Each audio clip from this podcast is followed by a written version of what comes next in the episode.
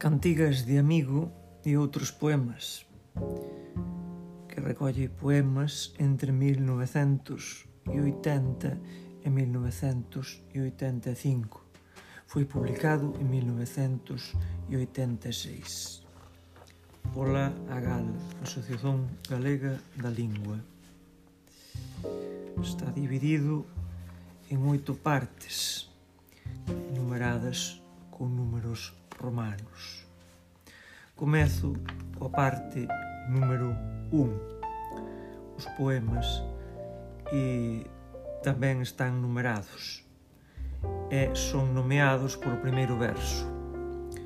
De tal forma, comezo co primeiro poema da parte número 1. Amigo, sen necesidade de refrán nen paralelismo, direi a miña angustia e menos o meu gozo. Como cando eu vestía o brial da brancura, coberto hoxe de púrpura ou de espida, elevo a miña voz como unha pomba ou loia, no mañecer ferido polo lume do amor ou co chumbo da asa da arela estrelecida. Amigo, xa non cabalgas para a fronteira cando ven o maio, nen eu teso xa a tranza dos meus días de ausencia, con vaguas de amargura resignada do gal dos meus suspiros no teu colo que os meus braços non premen. Voando vaso lonxe, ves nun bo, beixasme por teléfono, ascendesme as entrañas cabográmicamente, E un monto égua apocalíptica da liberdade de ventas fumegantes e a miña boca é doce e aceda a un tempo, madurada en fatal selme de presa e fogo. Amigo, talvez és plural e intermitente, fragmentario e efémero, e eu son eterna e múltipla, moribunda e incólume, fumando as horas de violento pulso, batendo cos meus calcañares as illargas da vida galopo contra ti ou fúxote, cantando, sen leixaprén nen dobre, agora feliz morte, magoado nascimento agora, alegre pranto, duro riso, eu, vos en viva carne, dor e gozo, cantando o teu amor, amigo. 2. Dirémonos adeus filosóficamente, civilizadamente, como, se, como hoxe se di tanto. Será un alivio para ti. Gozaste do que había en min de intacto, inaugural. Manter indefinidamente tan ambigua e complexa relación era moi perigoso. Un reitor, un decano, unha muller lexítima, a pesar dos progresos alcanzados na evolución da, nos, da nosa sociedade, son aínda forzas que non se poden desprezar. A censura social tenas por órganos estabilizadores que enfrean as licenzas. Por moito que de min gostes, e gostas moito, por moito que me queiras, e queres medabundo, non faltaría máis co moito que eu te quero. Tes 46 anos e non queres desfacer a tua vida de ilustre profesor, de ideas progresistas, desde logo, mas dentro dunha orden. E eu, unha moza de 23 anos, son a desorden para ti. Podes tomar eventualmente unha flor ao pasar, podes poñela na túa botoeira, mas ser o cabaleiro da rosa, ao mesmo tempo que o profesor doutor especialista nos teus raros saberes, da Academia das Ciencias firmemente organizadas non é posible. Como liberal, podes mesmo danzar coas túas alunas en certas ocasións codificadas, mas ser o meu amor e ser o que ti és, frecuentar o meu leito e manterte intachável, non o podes facer.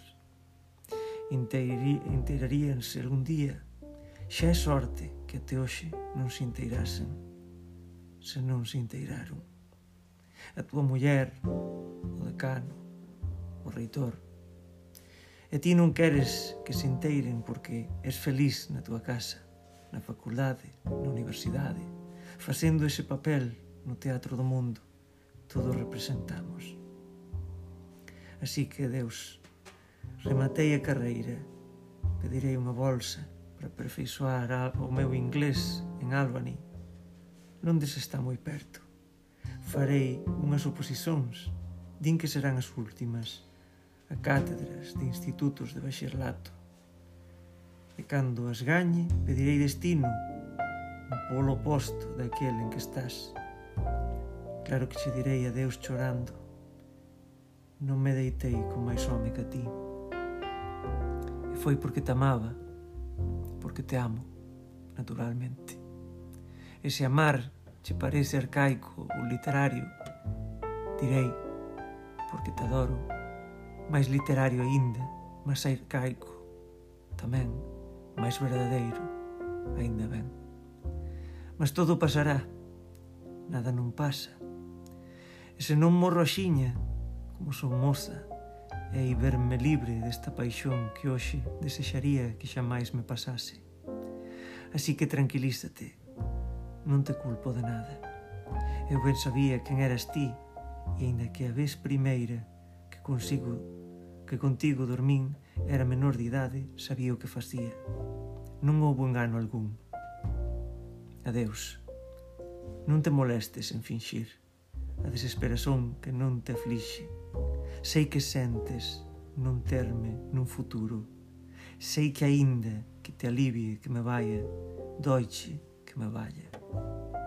Foste cabaleiroso, delicado, tenro e feliz como a min. Nada me debes. Eu a chorar, ti quase. As miñas vaguas secaránse co tempo. As túas, coa ideia de que o perigo de ser descoberto acaba de pasar.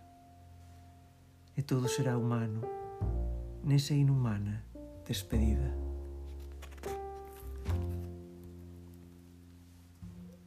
3. Mentres eu conducía o meu carro pola cidade en sombras, ti puxeste a túa man esquerda no meu xoello direito e eu chameite, atrevido, virando para ti os meus ollos brillantes como oblicua malicia, fransindo contra ti os meus beisos polposos con frutal alegría. Chameite, atrevido, como unha voz en que abrías con portas a represa de felicidade mas non afastei as mans do volante non fósemos publicar unha segunda edición da traxedia que leva por título Chapaquidic. Logo chegamos ao noso destino, ti rosaste a miña face sucosa coa túa boca seca e foste a túa casa e eu finxín, seguín para a miña. Esta noite te deitaraste con Celia e eu deitareime con Xorxe mas cando veixes os ombros de Celia, soñarás que veixes os meus ombros. E cando me alumiñe a man de Xorxe, soñarei que me alumiñe a tua man. Verdadeiramente, sería máis natural que ti te deitases comigo e eu me deitase contigo. E se Celia e Xorxe non querían dormir sós, que Xorxe se deitase con Celia, que Celia se deitase con Xorxe, ou se non querían que cada un deles dormise na súa cama, mas que nós dormísemos xuntos, porque ti és o meu amor e eu son o amor teu. E xa me estou cansando de que o noso amor se limite a que ti me poñas a túa man esquerda no meu xoello direito e a que eu te chame atrevido, con unha voz enrouquecida pola felicidade.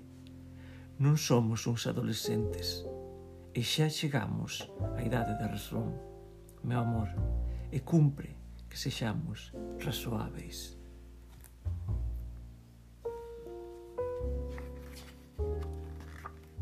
Cuatro.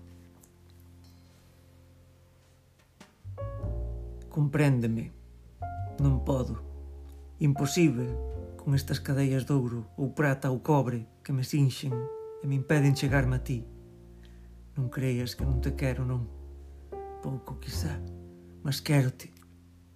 Non tanto. Estas prisóns danme seguridade. Non as romperei. Son um cobarde, débil, frouxa. Soño as veces contigo. Demasiado burguesa, mesocrata da bondo para, para disercho, calo. Mas é así, ainda que nunca serei, como a ti, tola da bondo para pôr tanto ben en perigo. Soño as veces contigo, Soño que te quero máis do que te quero, e nada couta a miña vontade. Cobre, prata, ouro, honra. Mas son só soños. Ti podes soñar que non son soños, ou que estou disposta a saltar dos meus soños a tua vida, rompendo as cadeas. Mas non as romperei. Non me atrevo a quererte máis que un pouco. Resígnate. Podes soñar comigo, soñar todo o que queiras, mesmo que deixe un día o leito, un cal soño contigo, para encontrar no leito en que ti soñas comigo. Mas non o farei. No entanto, douche permiso para soñares iso. Vive, pois, na esperanza de que ese soño viva, chegue a ser.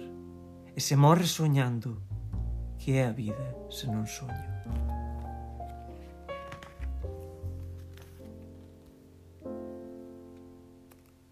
5. Ben pode ser que teña que renunciar a ti, oh meu secreto amor. Cada vez é máis arduo, máis esgreve o camiño que hei de subir para seguirte. Para estar na túa entraña para terte. Para teresme, para sermos o convexo e o cóncavo da mesma esfera. Sen acharmos sitio nun padrón, nun censo nun código, nun protocolo, nun elenco, nunha nómina. O meu amor foi un torrente de lava que agromou do corazón telúrico do ser.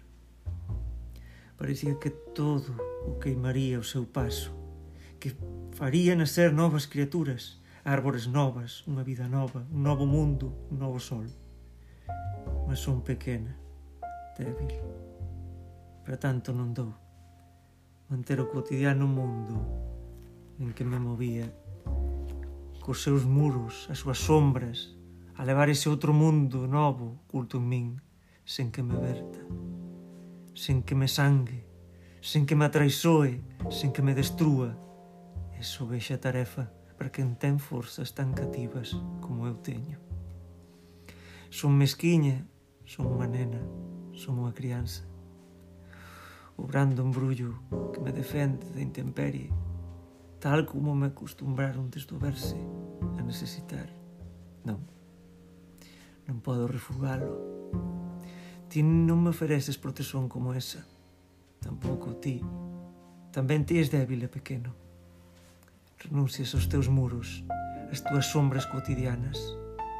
O meu amor, o teu amor, ten a forma redonda do segredo resbálame das mans non despraza a miña vida real para ser a realidade da miña vida. É un peso que se engade, é un tesouro proibido que hai que manter oculto, finxindo que non existe. E ocultalo pésame tanto que non podo andar. Demasiado arduo é andar así, indo ao norte, simulando ir ao sur. Un segredo como ese é unha esfera de ferro atada aos pés. Pode que teña que renunciar a él, a ti, porque son débil. Non creías que era falso o meu amor. Era tan verdadeiro que viver non podía nas trevas da mentira. Tensionarei libertarme desa carga.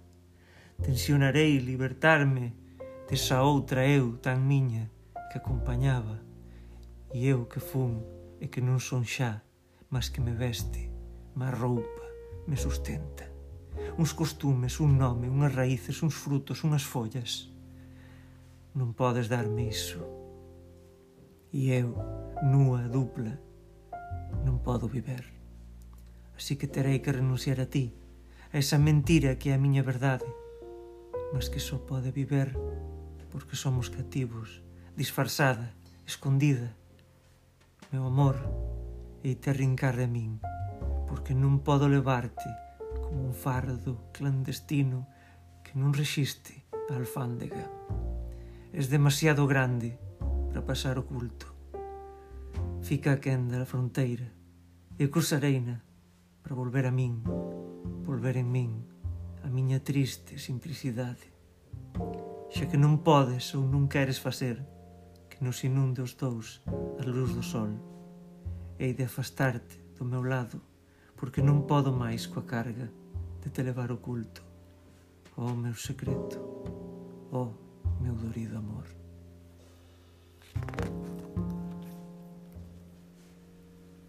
Seis.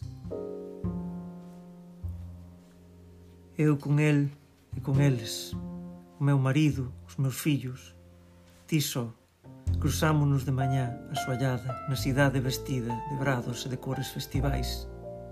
O pasar saudámonos En min, a adrenalina descarregou a súa faísca eléctrica nas veias, nas entrañas que arden, que latexan por ti.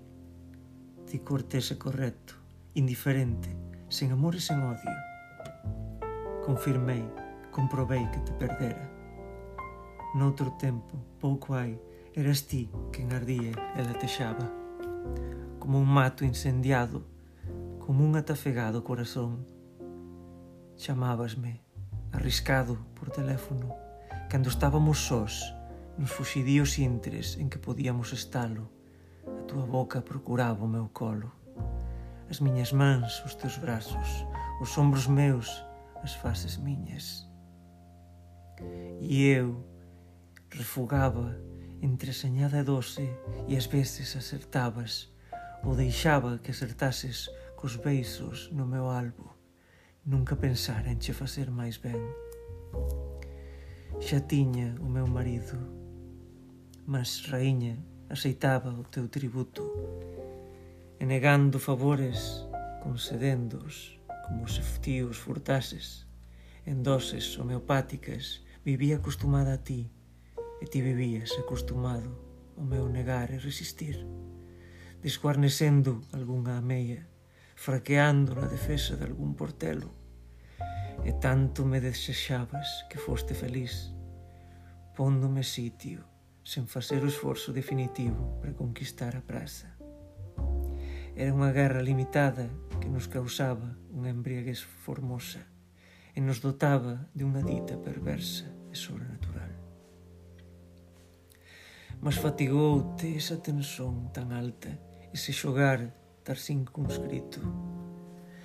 Deixaches de chamarme por teléfono, deixaches de acudir ao Edén onde podías buscar impunemente para bicalos os meus ollos, os meus ombros, os meus brazos, as miñas mans, as miñas faces. Deixaches de querer algo de min e entón medrou na miña pele a fame das túas mans, da túa boca e sentín que aquel xogo a miña vida era e non era a miña vida. A vida familiar, o meu marido, os meus fillos, o leito patrimonial, a casa patrimonial, a mesa, cônxugo filial. Ai, Deus, o devaneio era máis verdadeiro, era máis vida que dez anos de vida produtora de vidas legalizada selada con sacramentos, actas, óvulos fecundados por espermatozoos, licenzas oficiais para amar e gozar e conceber. Agora vexo que non debín tratarte homeopáticamente, que non debín atar, cortar as asas do voo que te empurraba cara min, pois aínda que chegases ao fastío e de min te afastases, eu teria atingido os cumes do, do meu ser e viúva do máis alto existir, por moito que vivese, xamais esgotaría a dita armazenada nos meus beizos, o cantor no meu peito acumulado, a dorsura a gromar nas miñas mans. Malo pensei, erro de cálculo. Pensei que che abundaba indefinidamente o que era suficiente para min. E agora ti estás libre, e eu escrava, e agora ti estás salvo e eu perdida. E xa nada me importa, como non sexas ti, e eu non te importo nada xa. E ti pasas sen odio, sen amor, e eu te amo e todeio desesperadamente, furiosamente, feramente. E fillos e marido nada son para min, son unha mentira E é todo esta loucura, esta verdade que me devora, que me mata. Ti.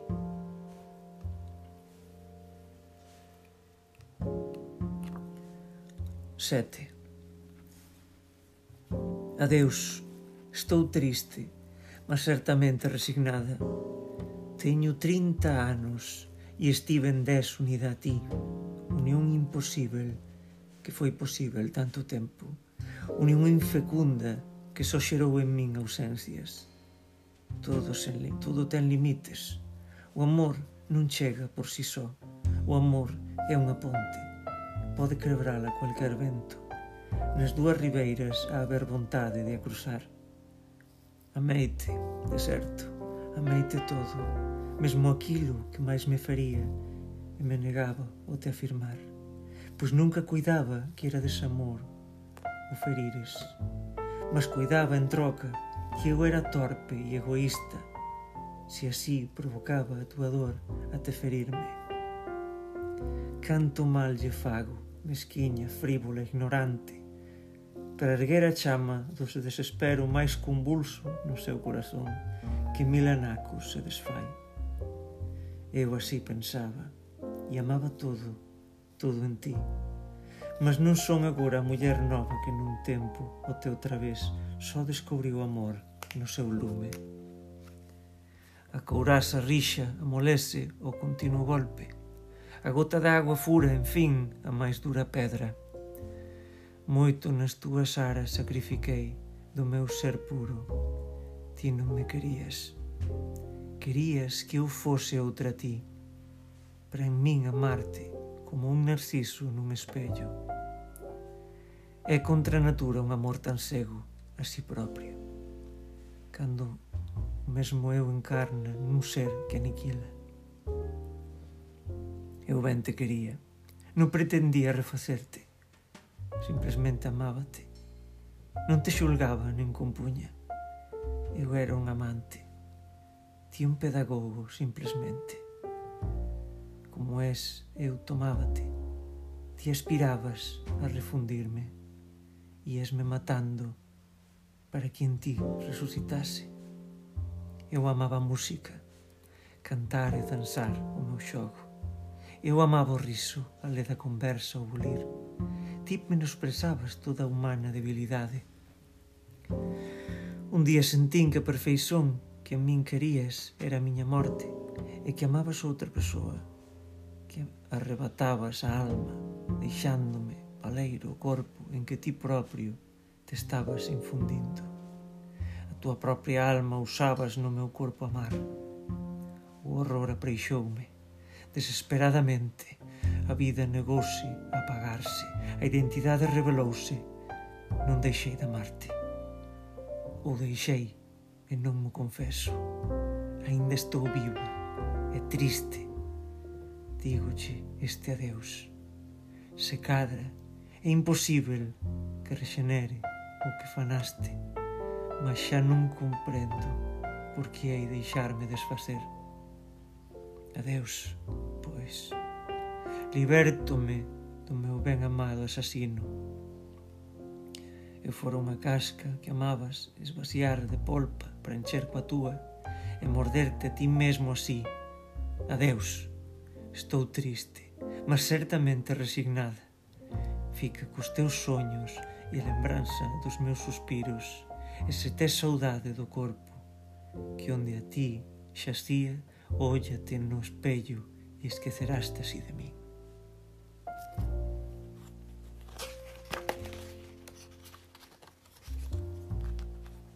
Oito. Esquecida vivía do meu corpo unha pobre muller cunha filla de 25 anos que ten a súa vez unha filla de tres e vive lonxe. Unha muller xa ben madura porque ten unha filla de 25 anos. Unha muller abandonada polo marido, sen recursos, sen estudos, que tivo de empregarse nunha oficina para un traballo rotineiro há moitos anos xa. E así vive, entre compañeiros indiferentes, apresados, descontentes, descontenta, presada, indiferente. Vestida sen cuidado, penteadas sen esmero, sen horizonte, só, sen ilusón.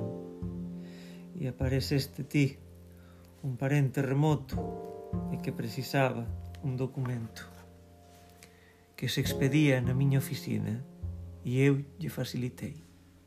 Un parente remoto a quen non vira nunca e que vivía nunha grande cidade da Lemar, sorprendentemente achásteme formosa. Dixéstemo, e no teu rosto lin que era sincero. E foi un terremoto para min. No meu apartamento, pola noite, dispome perante o espello e acho que ter razón que o meu corpo é formoso. Ainda, e gostaría de que o vises así, sen veo algún, e nua, Entro no leito pensando en ti para soñar contigo e renace entre a espuma dos lençóis unha esquecida voluptuosidade e fecho os ollos porque en soños podo neles os labios teus. Mañá convidareite a visitarme, a tomar unha copa ao sair do traballo no meu apartamento. Tomaremos a copa e cando eu vexa que ahora sou nos teus ollos nos teus beizos, nas tuas mans. Farei o mesmo que hoxe fago, decidida, tranquila, sen temor, nen rubor. Despireime, mas non ante o espello, ante ti. Nua, sualareime no leito, mas contigo.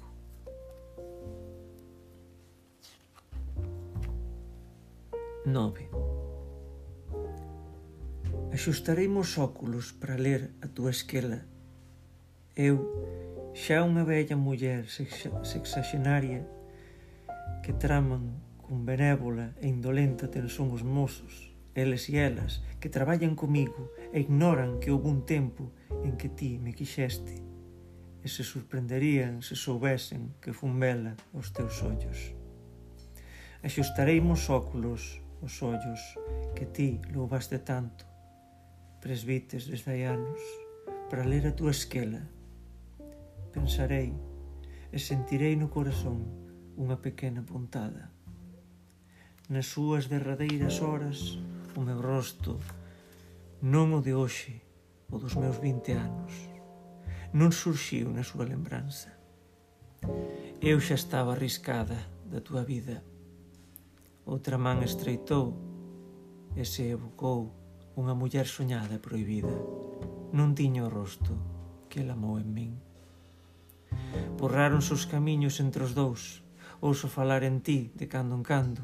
Ninguén ao meu redor sospeita que tremeste tantas veces a escoitar o meu riso e que o teu sangue batía cruelmente no teu pulso. Si eu, súbita, surxía ante os teus ollos. Afastámonos Ti tiveste unha vida colmada e tinxiste unha longa vellice.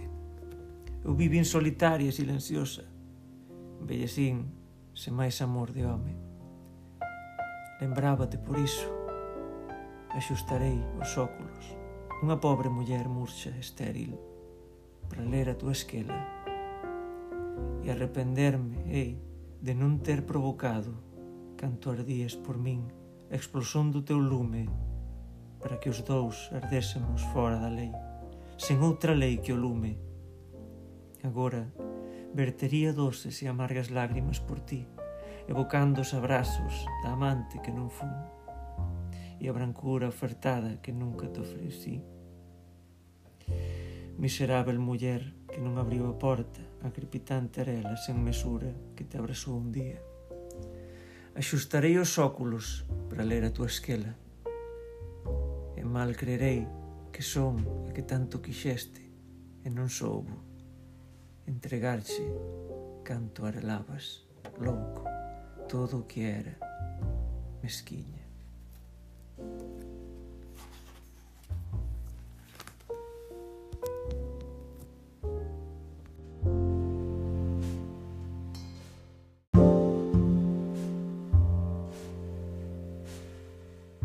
Parte 2.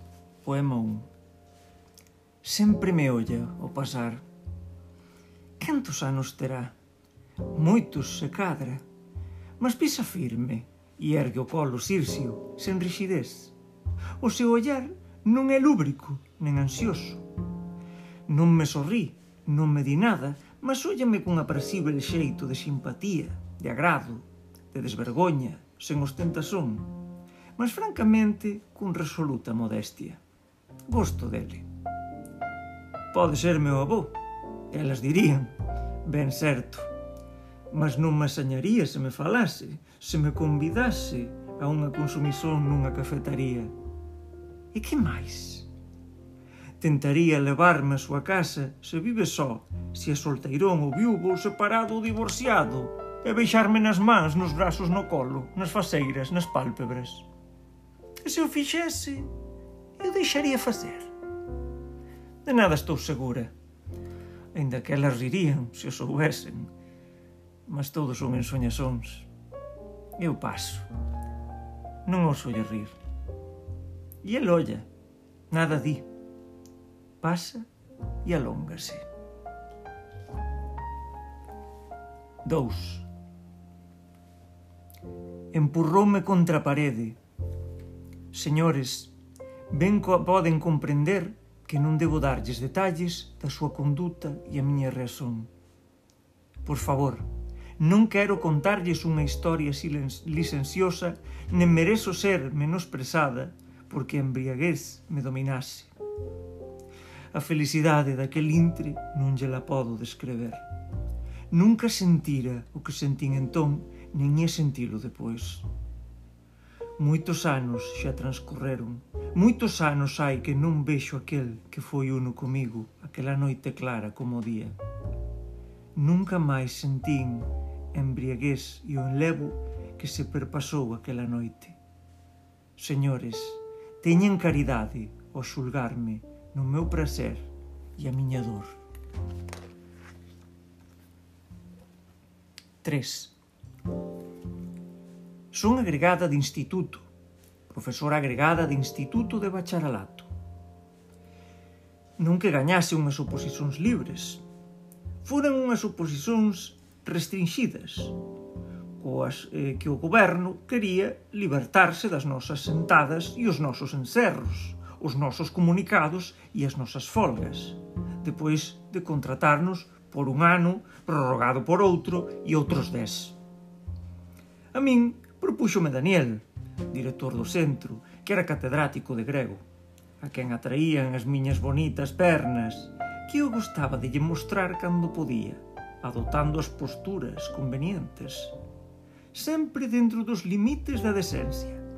E cando veu a época da minisaia, non pudo resistir, máis e casou comigo. Deille varios fillos, e pasaron varios anos, varias modas a respeito da lonxitude da saia. E con grande satisfacción para min, a época da mini saia voltou. E eu volvín a lucir as miñas bonitas pernas.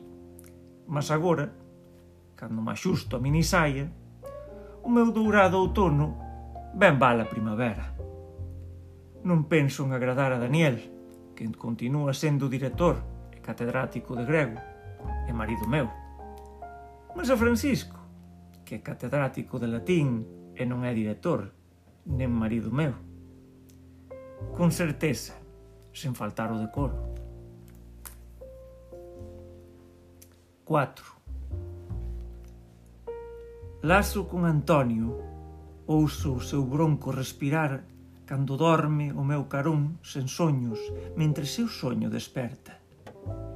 Deille solás, deille fillos, El deume xoias, peles, sedas, cidades, festas, casas, carros, guitarras e violinos. Xaso con Antonio. Soño con Miguel. A Miguel non lle dei sequer un bico. El só me deu olladas, pensativas, reverencias pausadas. Mas me falou, como non sexa cos ollos enloitados, negro lume, oscuro silencio, Cadeias d'ouro, ouro, Carne e lei únenme Antonio. Sombra de arelas, fume de suspiros únenme a Miguel. Estou deitada carón de Antonio, que dorme. E, desperta, soño con Miguel, que non me beixou nunca. 5. Como está lonxe da súa terra e da súa amiga, proscrito que non pode cruzar a fronteira, ti que vas ali e a el e tornarás a min e aquí leva o meu amigo unha mensaxe de amor. Leva o meu amigo a labareda en que arde a súa amiga. Achégate ao leito onde xás aburado polo lume que o abraza, tira a túa blusa e a túa saia e rosa os teus beixos cos cos teus. Deixa seives os teus seios, o teu ventre, as túas ancas, os teus pés. E logo podes tirar ou reter todo o demais, segundo o teu gosto. As meias, os anéis, os bresaletes, os colares. Mas desde logo, solta a tua cabeleira, esa fogueira negra.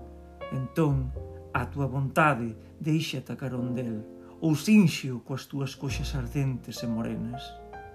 En todo caso, pon a túa boca sobre a súa boca, as pontas dos teus peitos no seu peito e aperta o seu ventre contra o teu, abraxando forte.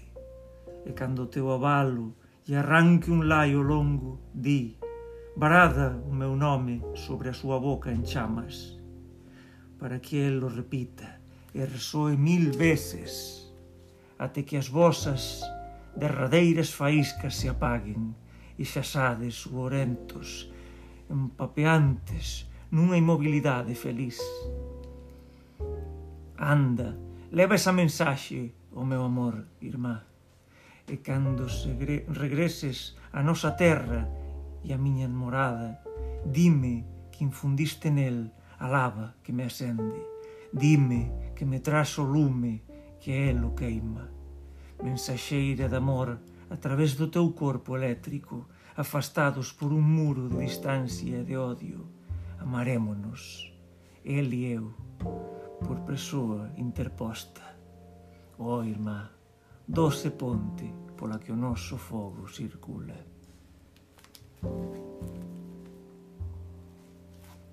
Seis señorita de vila, ignorante fidalga. Desde nena tiven un pretendente, fidalgo e ignorante como a min. Da cidade viñeran estudantes con motivo das festas e démoslles un baile no casino. Así eu o coñecín. Aprender a ela a danzar recentemente e agora, por primeira vez, facía uso da súa habilidade nunha festa. E cando terminou a primeira pesa, non soubo que facer e continuou a miña beira e bailou comigo a segunda peza. E cando terminou a segunda peza, non soubo que facer e continuou a miña beira e bailou comigo a terceira peza. E así sucesivamente, mentres o meu pretendente brillaba as súas mans e a súa desesperación. Pouco depois fun pasar 15 días á cidade e o meu bailador acompañoume todos os días. E eu ia sempre coa miña irmá ao paseo e el nunca chegaba a declarárseme. E o derradeiro día, miña instancia na cidade, a miña irmá deixoume só con el, a ver se se me declaraba. Mas el non se me declarou. E eu voltei a miña vila e non volvín a velo. Nos xornais aparecía ás veces o seu nome, pois prometía ser un advogado distinguido, e eu enviei o programa. Dunha representación teatral que na vila fixemos e na que eu desempeñaba o papel principal porque era moi esbelta e balaba moi ben. Mas el non acusou recibo, non deu sinais de vida.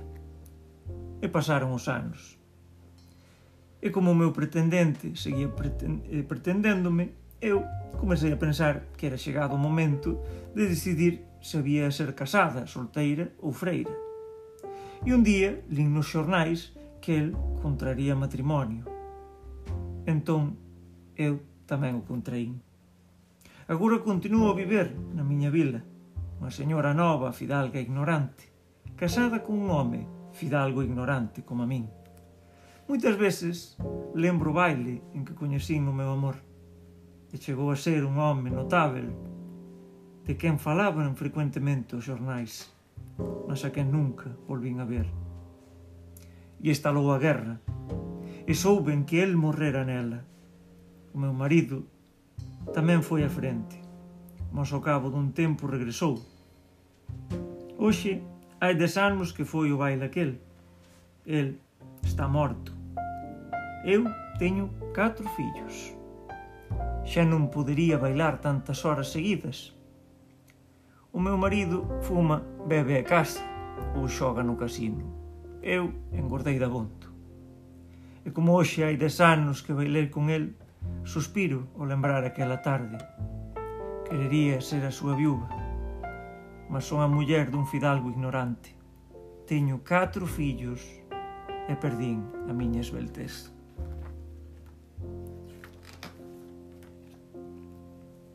Sete. Fuxíamos da nosa vila porque os republicanos chegaran por sorpresa e ocuparan. E continuaran o avanzo máis alá. Forzas da cabalaría ultrapasaron a coluna de fuxitivos. Esta ficou cortada e vinme separada dos meus.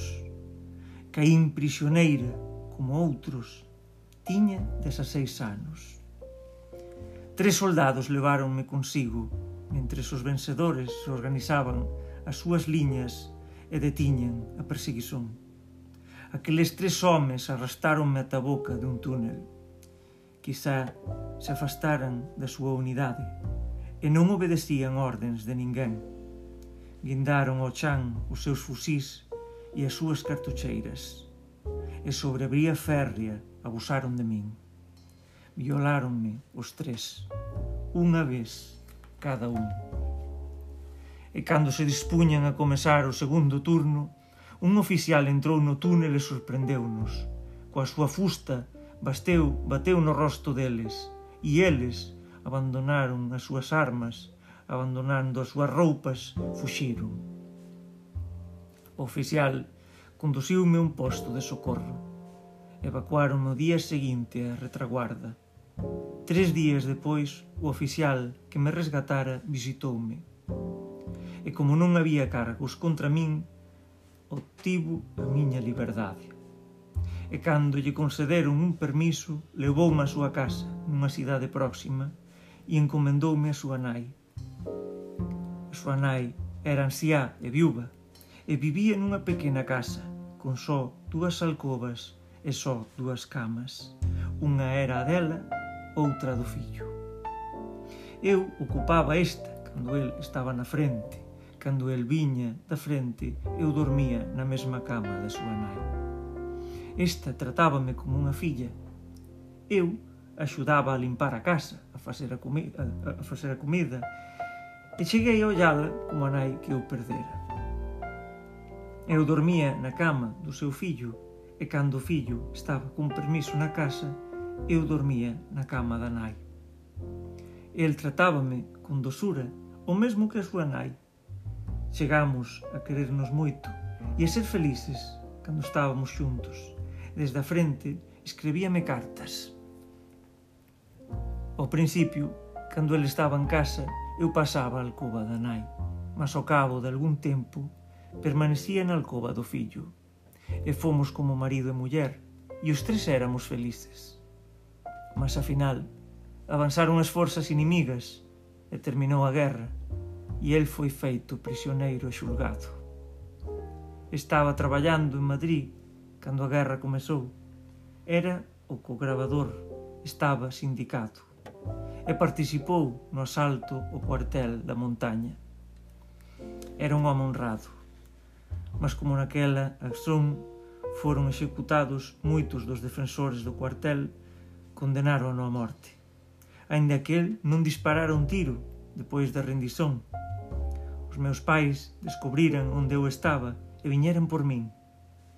Mas eu non quixen abandonar na súa tribulación o oficial e asistín ao xuizo coa súa nai. E el foi executado. E eu non quixen abandonar a súa nai.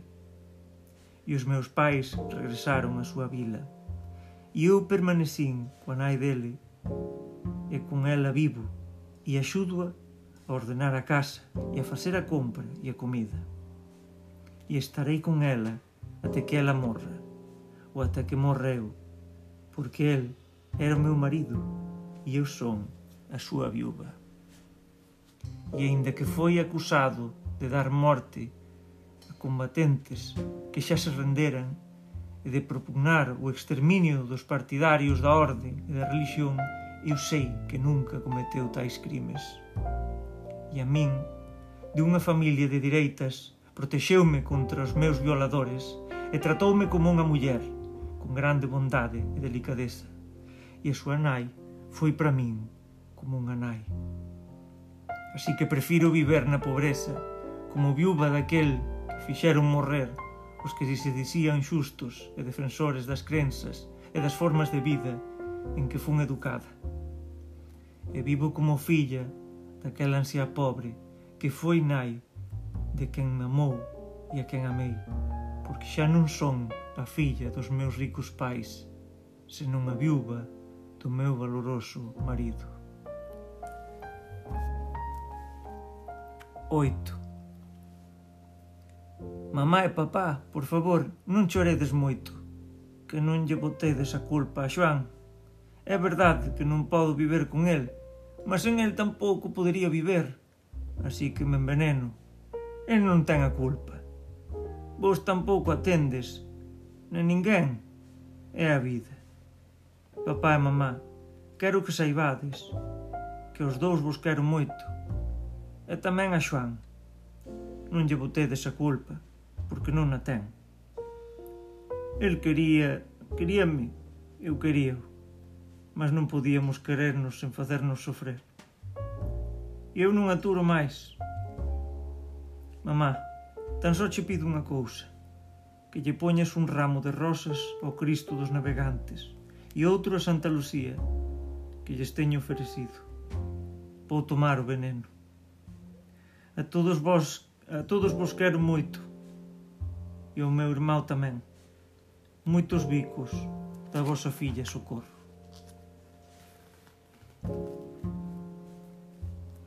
9. Se me coseu o corpo con trece puñaladas é que estaba esgasado o seu corazón.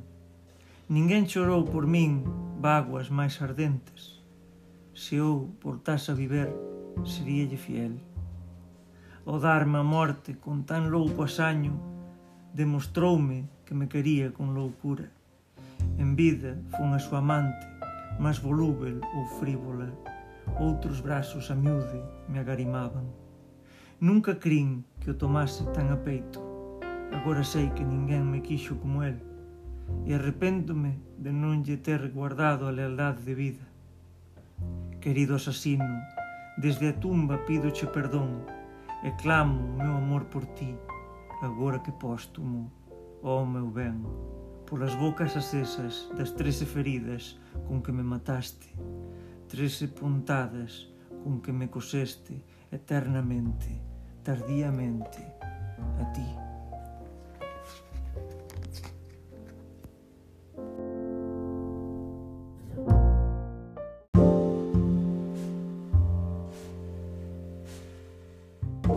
Parte número 3, poema número 1. Desde que vin Tristán fun a súa namorada, E oculto no meu corazón levo ese amor. Isolda a loira elexeume entre as súas servidoras para ir vía con ela a Tintaxel na negra nave en que Tristán chegara. Isolda a mai confioume o filtro máxico que o día das bodas os noivos tiñan de beber para amárense sen desfalecimento de por vida. A bordo, eu só tiña ollos para Tristán. Sen beber ningún filtro, ligada estaba a ele. Ele era un fiel embaixador correcto para Ninfo, que conducía o seu amado tío a que había ser señora en Cornualles. Isolda era unha mociña que abría os ollos ao mundo, disposta a cumprir escrupulosamente o seu deber como futura esposa do rei Marco. Mas mentres navegábamos, como unha abafante nube, o calor pairou sobre a nave, e Isolda ordenoume que trouxese un refresco para que ela e o seu custodio apagasen a sede. E tan trémula estaba eu pensando que ia servir a Tristán que sen decatarme escancieilles o filtro do feitizo pois non vía ben arredor que o ardente sol de Tristán me cegaba. E amáronse para sempre, ela e el. E na mesma nave Isolda foi de Tristán e tiven que sustituíla eu no tálamo nupcial en Tintaxel. E Marco gozou do meu corpo que eu quixera reservar para Tristán.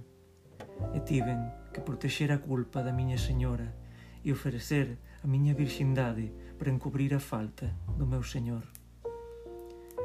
Eu son Branxel, namorada sen filtro, murchareime a beira da frondosa paixón que eu provoquei.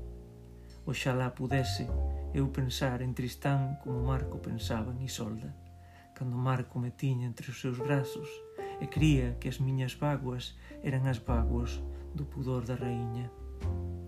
Só unha vez xasín cun home, un home maduro que gozou doutra mentres me gozaba. E eu non retiven máis que a dor daquele abrazo enganoso. Eu son Branxel, nen Thomas, nen Berol, Souberon ben a causa do meu erro. Creronme só unha moza atordoada. Revelo agora a razón daquela traxedia. Mais alto foi, non forzado feitizo, mais alto que o de Isolda, o meu amor. 2. Son Isolda a das brancas mans, e as miñas mans son como ser, con certeza brancas. Todo o meu corpo é branco, de brancura de lúa, unha lúa de mármore, non de marfín, un branco de deslumbrante neve. Ese son dos xardíns que me florecen, dos matos que me agroman, do río de noite da miña cabeleira, da frouma que tapiza a aba do meu ventre, que son negros, como ondas dun río de esquecimento, como unha dalia de trevas e os meus ollos escuros dúas mulatas, dúas raíñas de Saba, popeias orientais que se bañan en leite e se dormen sob carnosos dos seis, sob pesados flavelos de sanefas pintadas polo ensoño. As miñas mans son miúdas azucenas, son mans delgadas e agudas Mans de nena para os teus beixos, pombas de prata para a tua tenrura. Son Isolda das mans brancas, mans de boneca de criança. Tómasme polos ombros, abrázasme como benévolo agarimo. Pós brandamente os teus labios sobre o fruto vermelho, sobre a milgranada explosiva da miña boca e non sentes o lume que me queima, non percebes a alma cesa que me brota das entrañas, porque o teu corazón está cheio de Isolda a loira. E Isolda a loira non é loira, os seus ollos son máis escuros, máis avisais, máis nocturnos que os meus. Lotos de enloitado veludo a pairar sobre lagos ardentes, o seu cabelo é da cor da velada, na súa pele é de bronce e o seu, e o seu riso resúa como os axouxeres dunha égua, dunha poldra que galopa atrelada ao carro de guerra dunha raíña de Amazonas. E solda loira non é loira, mas é meiga, e os seus ollos son báratros, os quais malignamente te atrai co insolente bo. do seu andar de onça subrepticia. Non é doce, como a min. As súas mans son morenas e curtas, cruelmente felinas, como garras. O seu amor é inseguro e doloroso, cheio de vagas que baten, de fuxidas e encontros que destrozan a vida. Mas é meiga, e que poden facer as miñas brancas mans descontra as súas meiguices. Estás seguro de que bebeu o filtro que che tirou o dominio de ti mesmo, que te acadarmou a esa princesa de paixón, a esa tralla que te fostrega, a esa cadeia que te arrasta. Crela pensando en ti, esposa nominal do teu tío, sempre fiel a túa lembranza, tanxendo a harpa que lle regalaste outrora, cando a súa voz de sereia se acordaba coa túa de furioso amador. Estás seguro de que bebeu o filtro contigo? Estás seguro de que o filtro tiña virtude para ela? É a raíña de Tinta Xil. É a celebrada polos lais de Tristán. Non ama ela Tristán, de Marco. Soñaste ao crer que dormiste con ela sobre fentos e feno. Ela nunca foi túa. Ela é só de si mesma. O seu riso triunfal enlouquece os guerreiros. Nunca foi túa, non o é, non o será. Son Isolda a das brancas mans, que podería garimarte e curarche as túas chagas. Mas ti amas as túas chagas e soñas con que Isolda loira veña polo mar para verter nelas o bálsamo arelado mas has morrer na praia só, sen ela. Eu estarei ao teu carón e solda das brancas mans, mas ti non me verás. A soñar con Isolda a loira, quen deixa máis a vir, quen tinta xil se senta nun solio de falsía. 3. Despedida de María Mancini. Señor, vos sodes rei, vos chorades e eu parto. Que é ser rei? Que é chorar? Que é partir? E que é ser? Suntuosa maneira de sofrer, impotencia doída, desgastamento, absurdo certo, bucles e coroa. Enfeitamos a nosa miseria, embrocados. Altos tacóns non erguen ninguén o paraíso. E Baiadán gozáronse nus, como tantos desemos disfarzados de anxos, de arcanxos, principados, potestades, virtudes, de dominazóns, tronos, serafíns, querubins. Oh, meu Señor, adeus, vos chorades e eu parto. Que é reinar se reinar é perder o que un ama. O rei, un condestável, un borbón, un colona, figuras somos dunha comedia italiana, Colombina e Pierrot de madeira tallados, monicreques rexios, rexidos por fíos invisíveis, que manexa unha man de impasível goberno, alén de vos, de min, do cardeal, do príncipe. Mando único rei que non chora e que reina. 4. Johann Crisóstomos Wolfgang Theophilus Amadeus Mozart.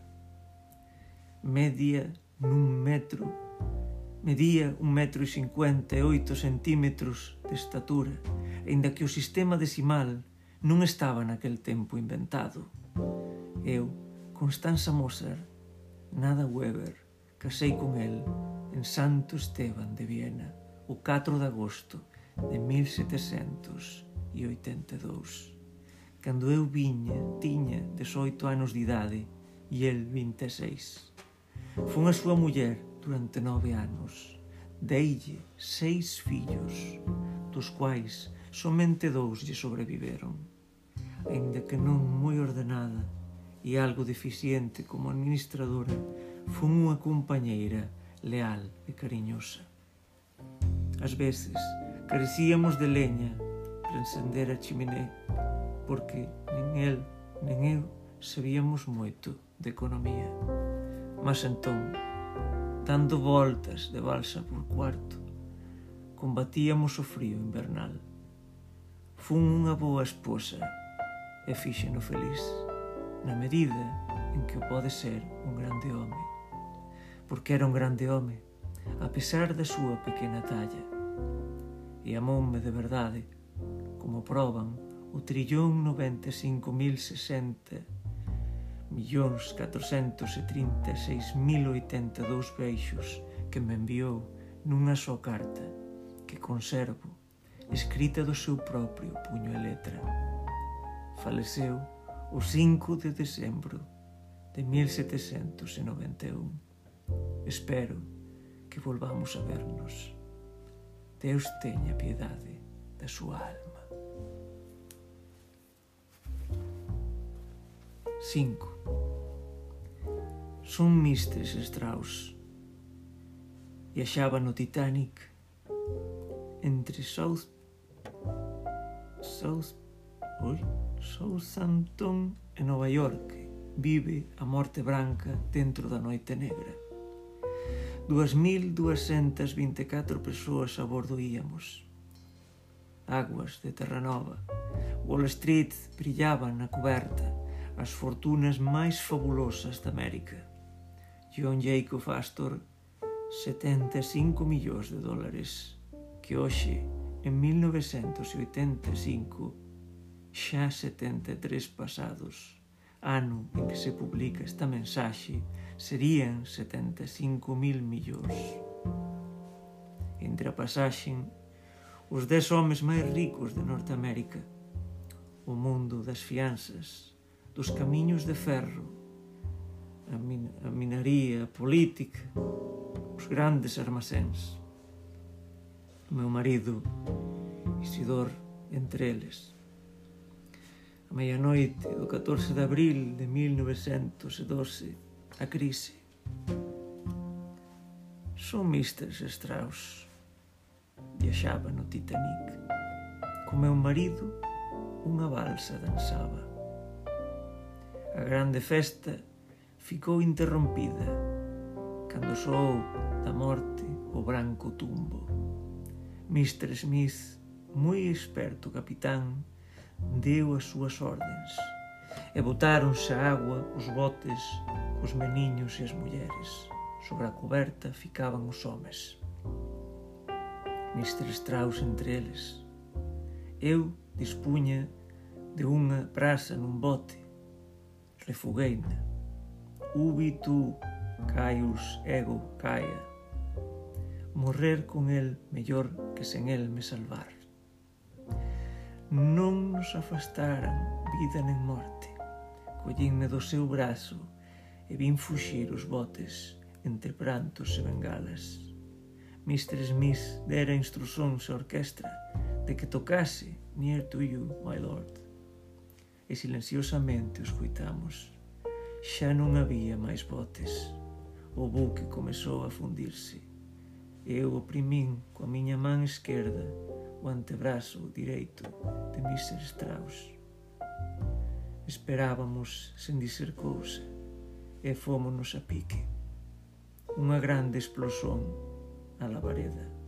Agora os dous xacemos limpos osos do mar no fundo, marido e muller. Son Mr. Strauss. Viaxaba no Titanic.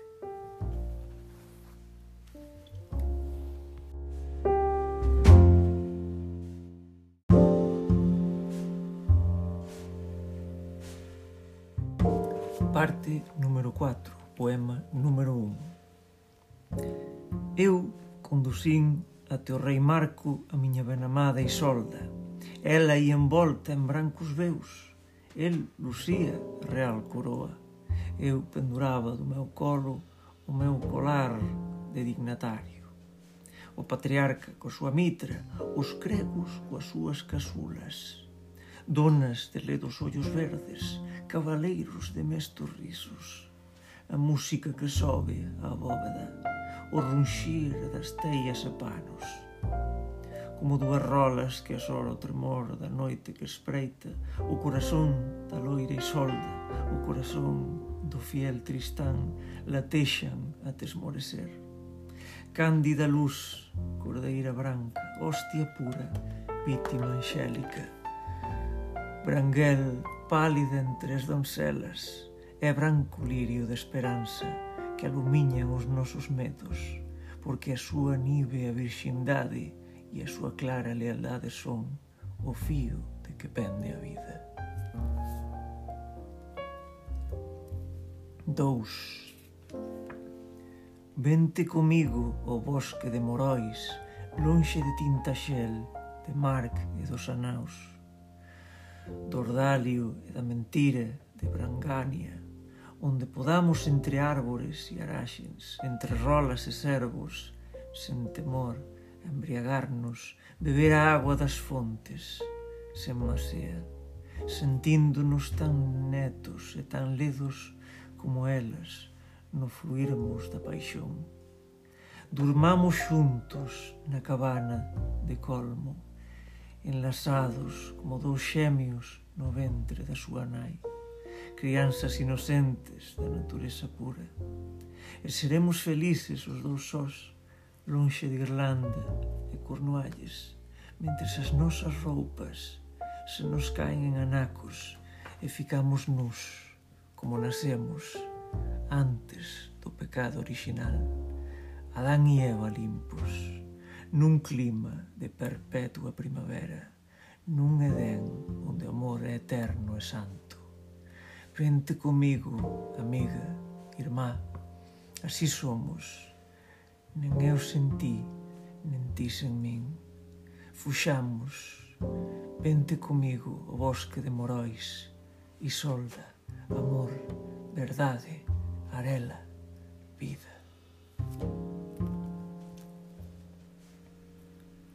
tres.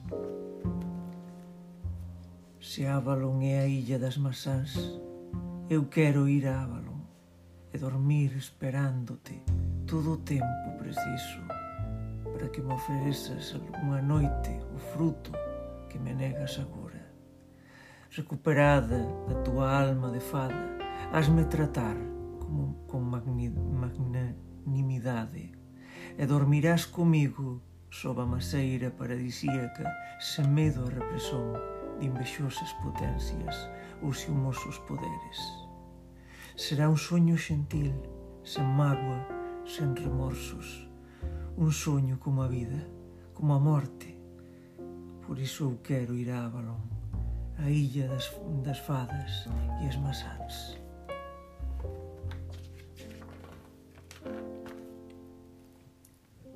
Quatro. Calquer lugar é bom para morrer. Non se distingue o home da muller. A morte é neutra, das tot en alemán. Xénero e sexo non sempre van da man.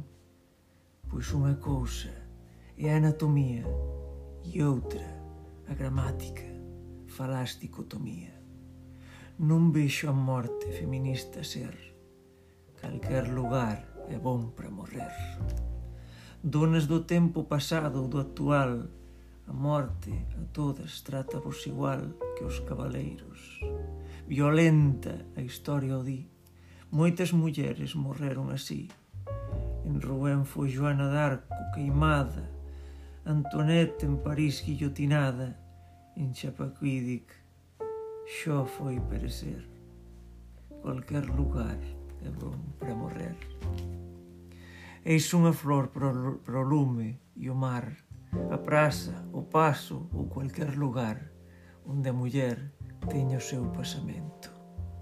Érgase a rosa sobre o movimento, nesta materia non é discriminada, Inés ferida, Mariana agarrotada, Marí xo sulagada, a arder. Calquer lugar é bom para morrer.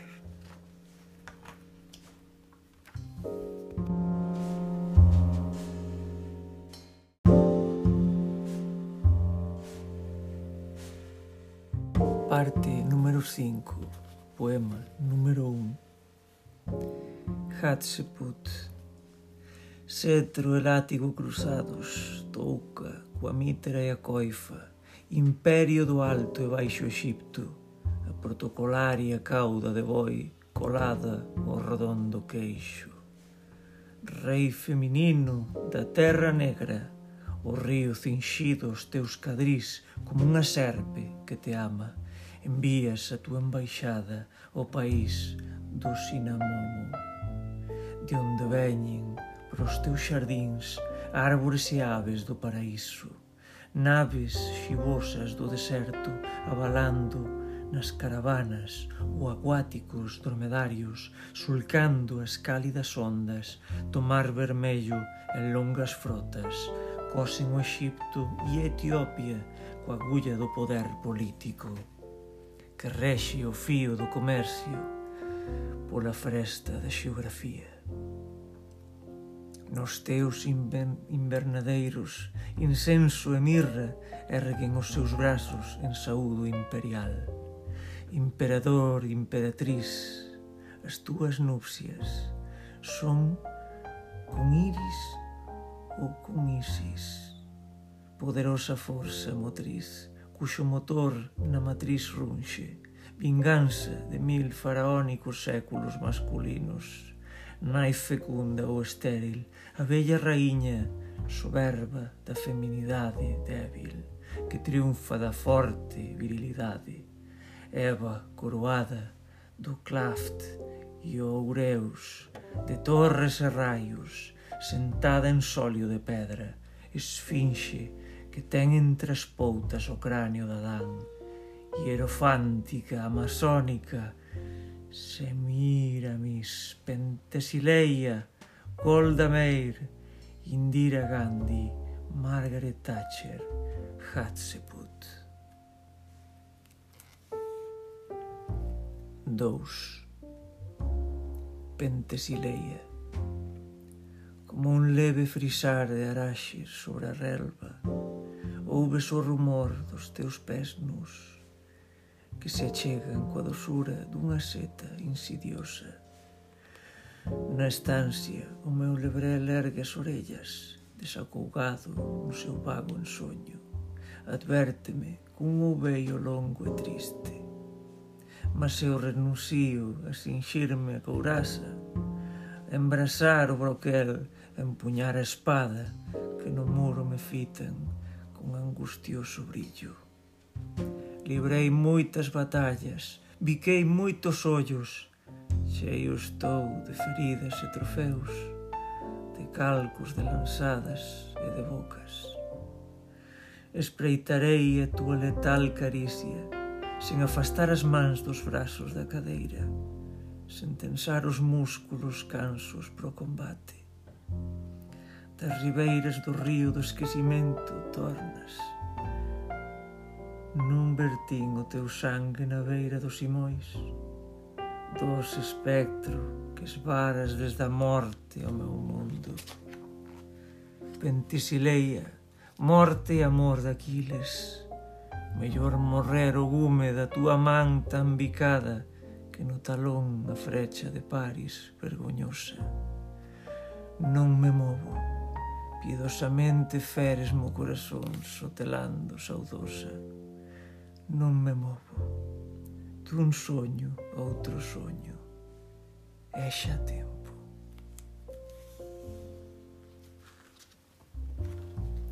Tres. En Bull ou en ilium, Hilde ou Helena a morte tran. Moitos guerreiros morrerán en Bull ou en Ilion. Ela querendo ou sen querer, Hilde ou Helena, en Gulpensante ou en Ilión, a morte tran, que a morte é filla da muller. Pois vida e morte xuntas van, e ambiguo don da muller son, moitos varóns perecerán, en Gulpensante ou en Ilión.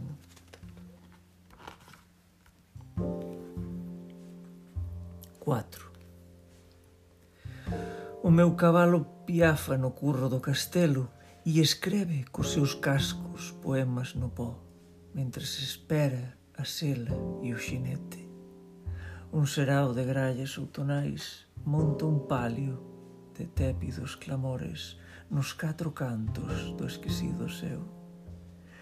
Nas ameias, tuncelas de lentas cabeleiras fan guardas insondáveis con ollos de alto azul o lagarto, a sina, as pedras morceladas, como acenos heráldicos da cauda rapidísima.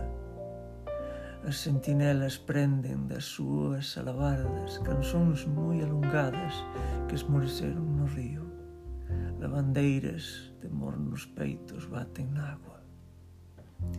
Chega o palafreineiro cos arneses. En un rincho cadrado o cabalo suspira. Catro trémulos xustos, como un metro, meden a área do curro, que limita o seu pulo agrimensor. Galopar pola chairas embalados nas illargas estrela raiolante da espora, cara o bosque do escuro rosto imprevisível. Pasamos do cadrado círculo sobre tropas de Wagner ou vieiras de Venus laios de pafos brados de citeres, murmurios da mantunte, que resoan embrullados en pompas eclesiásticas, xermánicas e célticas nas selvas de Broslandia e Venusberg. O meu cabalo piafa no curro do castelo, o seu casco esqueve sobre o pó, sobre a areia, sobre a água, sobre a neve, sobre o vento, Poemas que eu transcrevo en clave de lúa, en lingua de non. Circulación do cadro, do seu caracoleio, cadratura do círculo, o centauro arquitecto, do cadrado do patio, a cúpula do seu. De ponta en branco, desos degraus da escada, princesas de ollos de ouro, venme inmóveis pasar. Montarei a besta de ardentes narinas, en procura do cálice e a doncela, a despeito do nao e o dragón. É todo un soño. Son unha personaxe dun lais que sobre o pó traza a pesuña a quina. Ollos, os, ollos, ollos fosfóricos onde arda a luz dun adeus, un demo, dunha forza inhumana e fatídica. Un corno de unicornio sobre a chapa metálica defende a súa testa que avala como a onda. A súa garupa inquieta sofre o guillón da vespa da saudade, de mármore inmortal de Deus saufada que raptada transporei eu do seu mundo o noso. Meu Pegaso de guerra e aventura, de fuxida e de ensoño, de trampa e de cartón, xa coas redes na man, xa co pé na estribeira. Perdereime na terra de lume alén da cal, Brunilda ou Atropos brindaram as súas núpcias. O meu cavalo, piafa beira do infinito. Cinco. Romeu. de Rosalinda Xulieta, media distancia dun suspiro do, re en teclado de espineta, un, dous en graus de leve xiro. E Xulieta Rosalinda non serán fases dunha lúa, prata inmóvel no seu aínda cando volúvel se insinúa. Rosa de pétalas fungíveis, Xulia que xullo non atinxe, a noite de labios incríveis, mistura os nomes que vos finxe.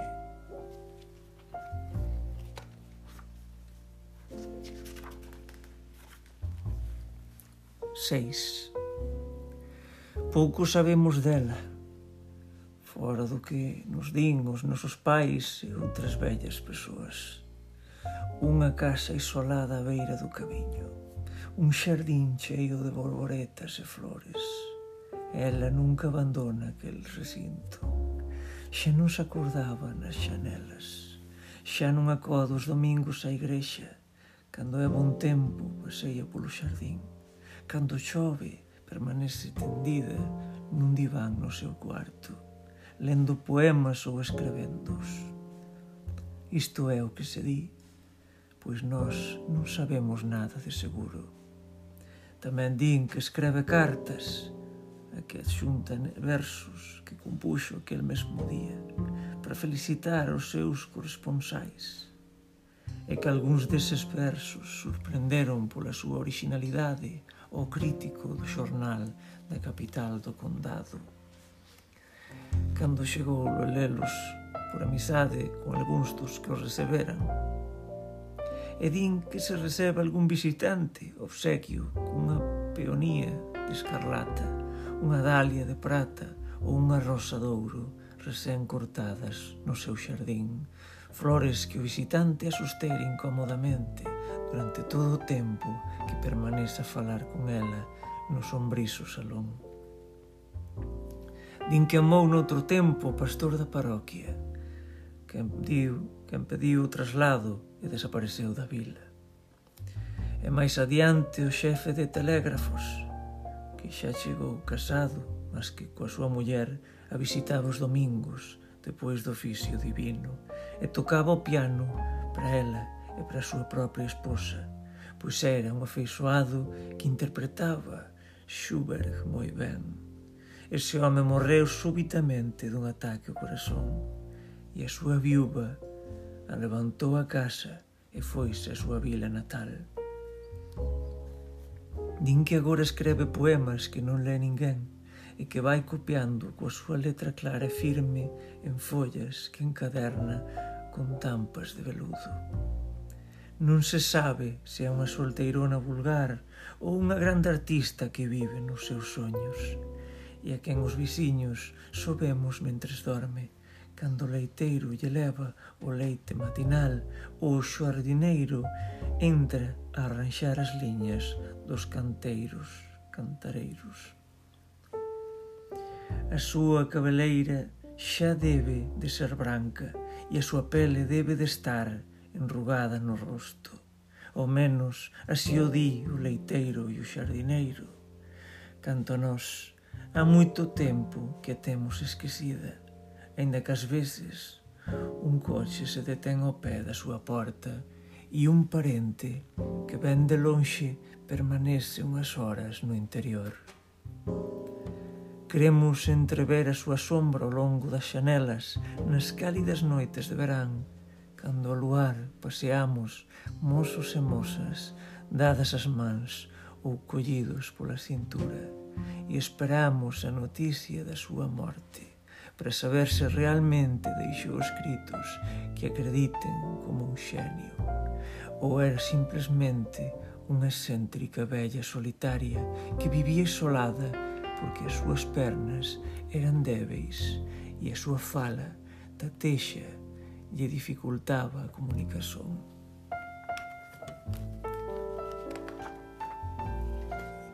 Sete. Pois Galaz redime a Lanzarote e Elén fai emenda de Xenebra Non é precisa a lanza de un Quixote a defender a tábula que non quebra. O que foi rei será rei no futuro. É rei agora, aínda no desterro. Sintila a luz no profundo do escuro, a liberdade nas masmorras do encerro. Señor, Arthur, Sebastián, Federico, hoxe entre fadas, ou mouros ou anaus, ouso o teu brado e fiel a espreita fico. Outros viveron os anos temporaos, mas de esperanzas o noso tempo é rico. Un novo cosmos reventará do caos.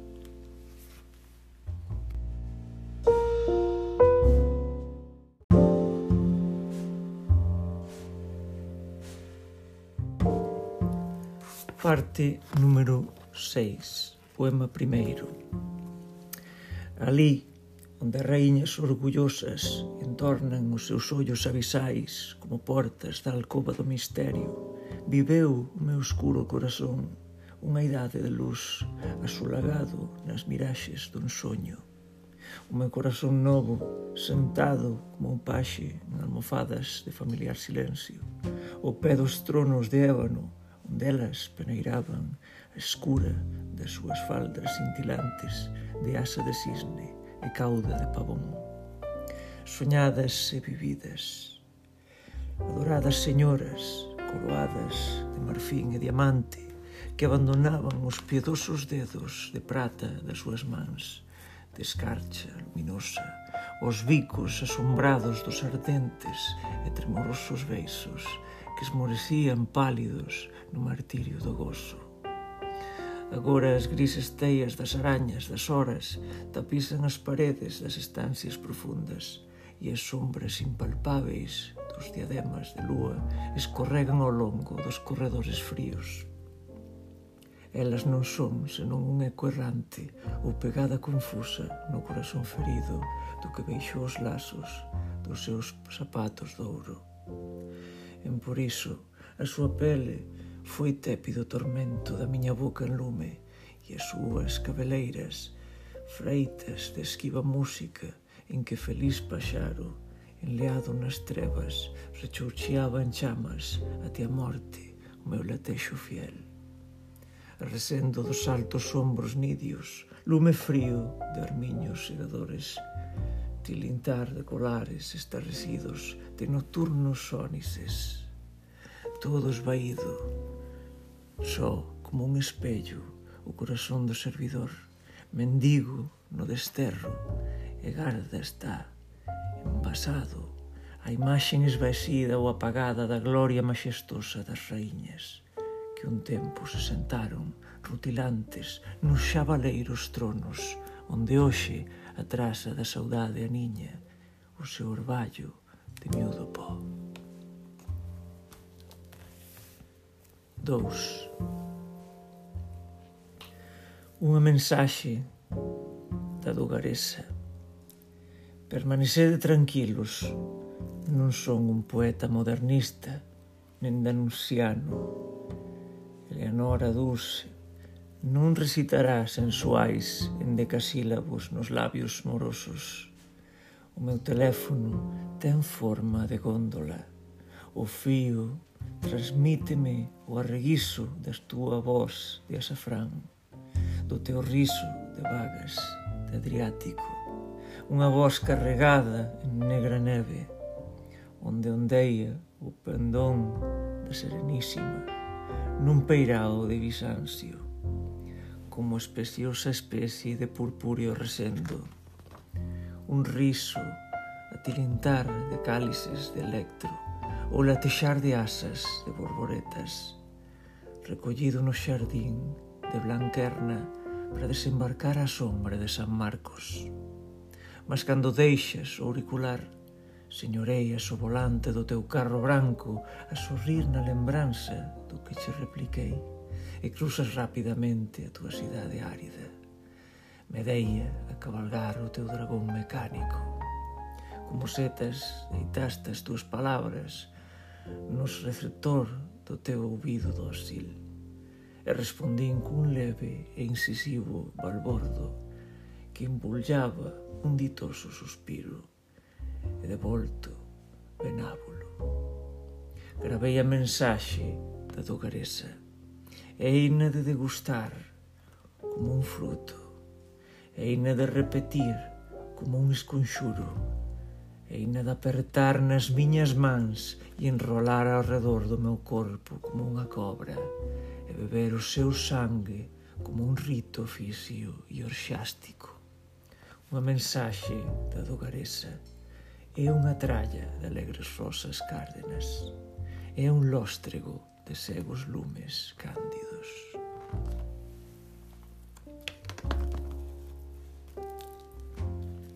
Tres. O sudeste do teu corazón abres un bosque de profundo silencio, onde anxos de safiro tenden mantéis de lúa para ágapes, delirios e magnolias, só bobó de borboretas e andoriñas de ópalo. No frescor desa fraga as miñas pegadas pérdense, ao redor da furna dos soños de asas longas e cando descanso a cabeza na almofada das túas pétalas a dor fica a porta como un can sen dono e terra e seu confúndense nunhas nupcias anteriores ao réptil ondulante e a cólera do Deus. Sob a miña fonte latexo teu ventre sen mágoa, reloxio que mede a duración da vida e o sono. O soño sobre ese doce traveseiro é como unha vida imóvel, como unha morte feliz. Así debían dormir no Éden os dous primeiros que descubriron as catro regras elementais do amor. Os esomaron as súas unidades na pizarra da relva. E advertiron que dous poden ser un ao restar en fronteiras. E ouviron que crecer e multiplicarse e aprenderon a dividir entre dous a inocencia e a culpa, elevados a infinita potencia da paixón, cando fruto e a serpe extraíron a súa raíz de e eternidade. Así debían eles dormir antes do fruto e a serpe. Así debíamos nós permanecer entre a morte e a vida. 4 onde eu escrevo lesbia Leti Clodia. Se te mascaro é para coñecerte.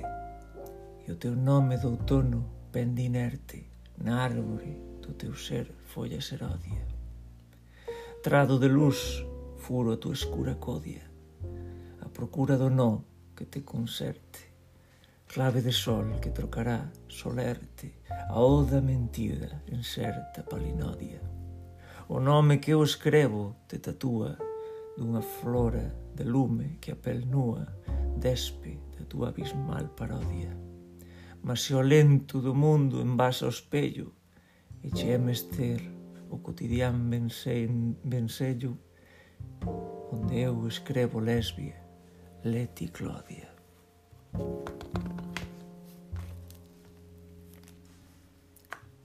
Cinco. Agua e carbono é o teu corpo, sal, precipitado en pousos na tua vida, comungo a tua forma corporal e inextinguível sede me convida. Na tua realidade está o ideal, caiu-che a roupa aos pés e estás despida, ignorante do ben como do mal, perdido paraíso, Eva proibida. Se a túa química orgánica me ferro, mecánica do lume e do suspiro, son alumno de física integral. No cárcere, sen luz do meu desterro, no ar desenxabido que respiro, agua e carbono e o teu corpo, sal.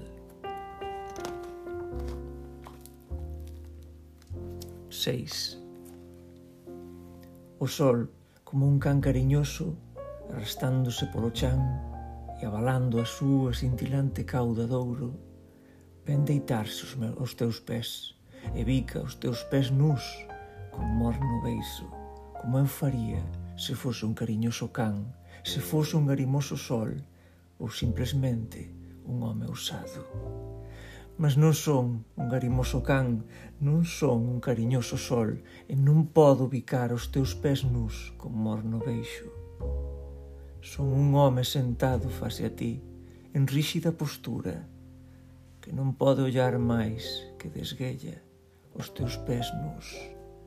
E a ollar modestamente o teu rosto nunha zona circular en que se inscreven a túa boca frutal e a ponta rosa do teu fino nariz mentres che fala. E se ti libertaste os teus pés de cristal das súas sandalias, o home que son eu non pode darse por inteirado, así que nunca saberás que eu estaba soñando mentre sostiñamos correctamente esa cortés conversa.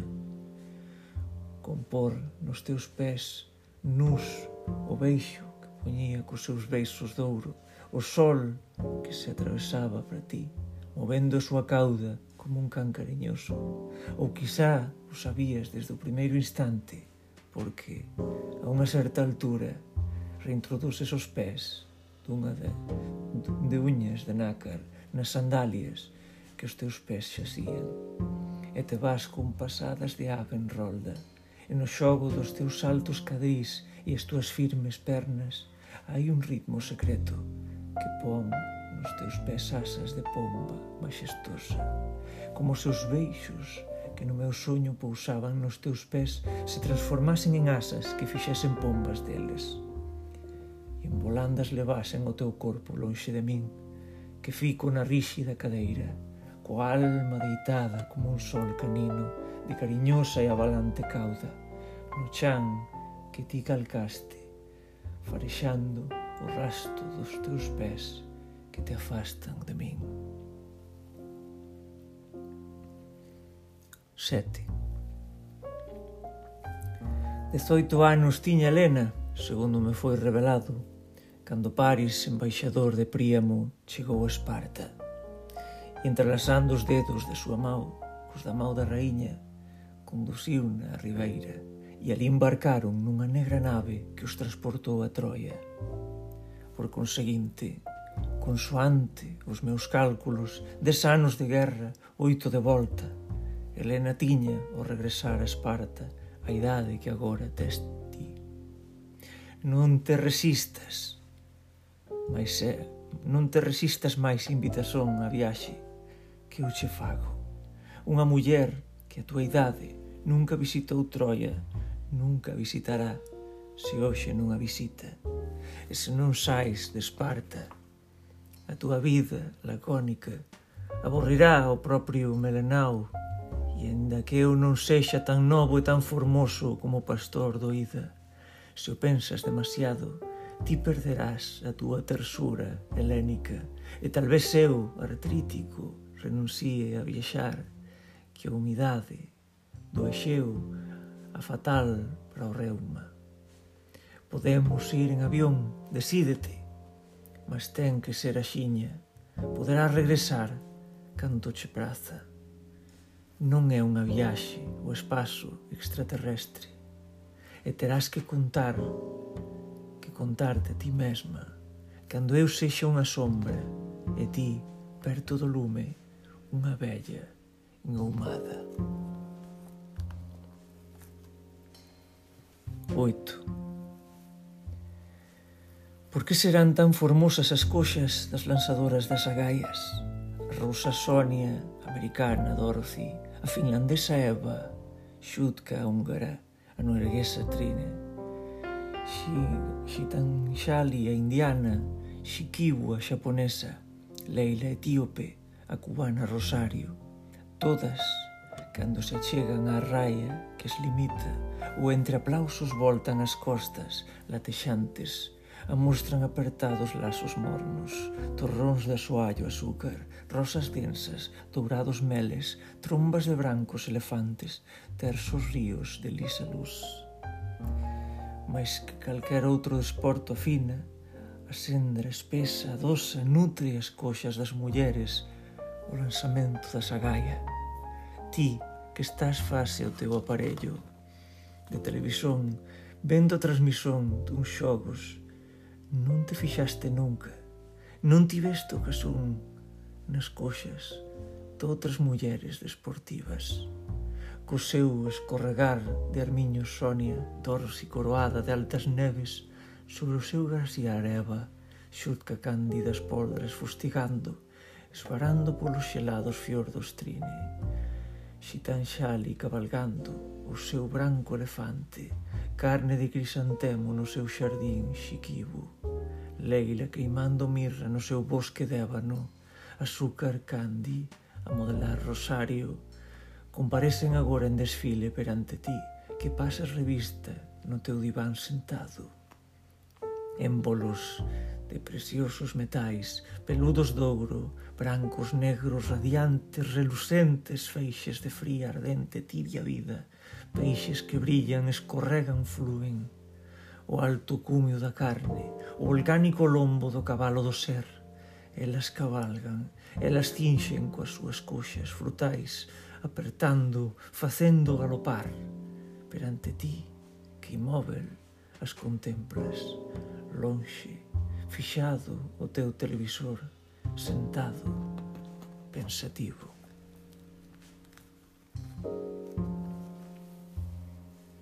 Nove. As horas cos seus pés lixeiros tesen a súa danza que te envolve, viva. Anel, elipse, espiral lobo, embrullado que no verso do tempo te encasula, neno, para embalarte no seu ritmo, ou mumia, te arquivar na escura cova onde o que foi e xa non é descansa. Non sabemos se ouvir ou non os golpes dos pés de prata raudos sobre a pista, mentre o lume das súas cabeleiras, bandeiras despregadas de ouro en fíos, o ar asenda que a túa boca bebe e as súas sandalias ergan pó de estrelas que envasen os teus ollos de desexo. Imita aínda que sexa torpemente o seu xocungo xiro e se che tenden as mans, toma as súas mans e participa no sercho en torno a ti, que estarás dentro e fora da grinalda que elas finxen. Anse tornar sudarios os seus peplos, que asas de pombas brancas rosan hoxe os teus labios que veixen leve lume, como un neno anfaixarte, formosísimas, auxiliares sanitarias pulcras coas súas coifas e as súas fardas pálidas, enfermeiras asépticas, metódicas, que espreitarán, que rolarán talvez un novo nascimento teu un día, mentre as vexas cos teus pés desnudos, ou en púrpura ergueitos, rodeando con áureo sercho o teu ollar rendido. Deixate ir no compaso que che marquen, irmás. Elas a ti, fillos do vello, que os seus fillos devora. Ti e máis elas, mas elas se renovan incesantes. De mans dadas con elas saltan agora. Xa te darás dormido aos seus cuidados.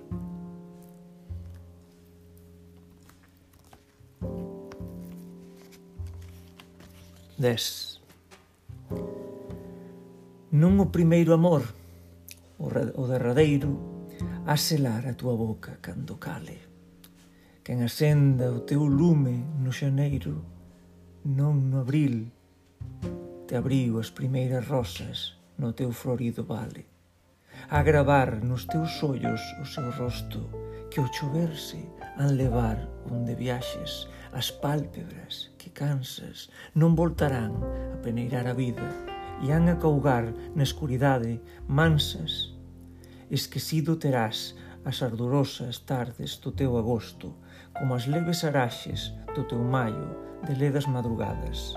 As esmolas logradas no teu serán de lógrebos moreiro han resoar en fin na túa boeta como único viático no teu longo vieiro, cando esquecido o teu arranque enfático, o enxergares tan perto a escura meta, sexas na espera e na esperanza vivas de dormir na esperanza. As moxenas cativas que a túa borralla cando a sombra avanza e se ouve o son opaco da súa soca, arranca co teu bafo algunha boca. Serán a túa luz Nunha fogueira do sol que a túa paixón alumiara, cando te abrías a ilusón primeira e a vida che sorría cara a cara. O corazón enrúgase e debese, non cabe nel lembranza, que o latexo esmorece.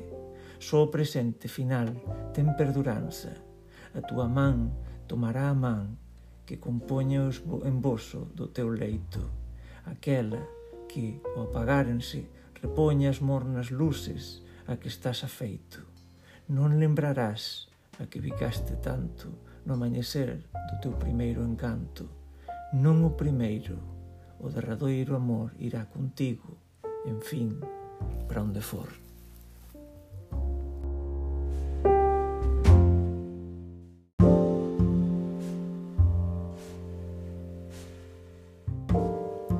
parte número 7, poema número 1. Pintura abstracta, música concreta. O mundo é vello e quer nacer cadora. Por el desexo de un caduco esteta que non sabe que hoxe é sempre agora. Recolle a esmola o seu na súa boeta, mas non celebra a misa que se implora. Outro é o protocolo, outra etiqueta a que se axusta a súa lei embora. Este axóxere van en van procura conducir a súa propia singradura polo mar da beleza desexada. Sobre o mar está o seu inasequível que esculpe e tinxe a onda irredutível o leme da corbeta desnortada. 2. Ti, Miguel Anxo Fernán Bello, co teu aspecto de estudante alemán ou ruso dos tempos de Hein ou Pushkin, en Gotinga ou Moscovo, dominas pola túa estatura no grupo fotográfico da liña de poetas de amor e desamor, que me envían os seus versos con palabras irmás se ben Salinas, Portugal ou Xulio Valcárcel. Se máis se estalicasen, poderían se cadra competir contigo en calidade de altas antenas receptoras. En todo caso, porque te vexo máis a ti, envíoche esta carta de grazas, telegráfica, mostra de obriga e leda expresión de amizade. Para os des, como estades, en ringleira de frente despregados, dispostos á batalla. Pallarés, Fernán Bello, Mato Fondo, Valcárcel, Rivas, Salinas Portugal, Pereiro, Lino Braxe, Xavier Seoane, Xosé de Besa, os dez da fama, os dez dedos do Deus da nosa terra, do anxo da nosa guarda, o vello anxo da guarda dos galegos que fala en verso e co seu verso escreve as ringleiras da historia. Obrigado. Desexo que os nove homes do grupo conquisten cada un o amor e os brazos de unha das nove musas, cada un, cada en súa, e Pilar Pallarés, os do mesmísimo Apolo, pai daquelas padroeiro noso. Non teño a menor dúbida de que aquelas e aquel han se render a beleza e a forza e a paixón destes versos de amor e desamor que agora leio. Devolvo aqueles tempos en que eu mesmo sabía amar e desamar líricamente, como vos, aínda que menos. Miguel Anxo, Antena quen envío esta emisión de débeda. Eu, debedor dos dez, dos dez agradecido, amigo e camarada. Transmite, Miguel, esta mensaxe de Ricardo Carballo Calero aos nove amigos.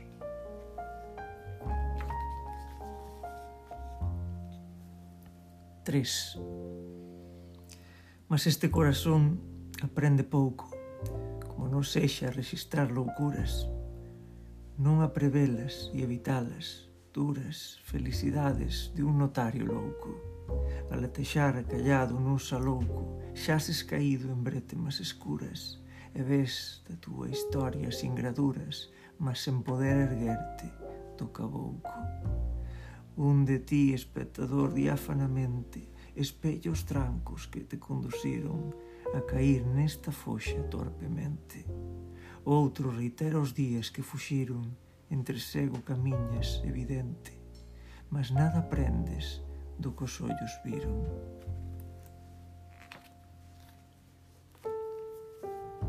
Cuatro. Criámonos xuntos e parecía que éramos paxariños da mesma posta, mas chegou un tempo en que nos xebramos, eu a unha banda, todos os máis a outra. Como eu me resistía feramente as vosas picoadas, deixástesme no niño só.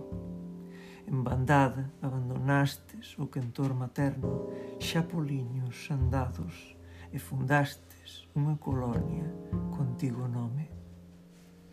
Eu fiquei entre as pallas primitivas, o frío Traspasábame as penas, mas enduroume o coiro.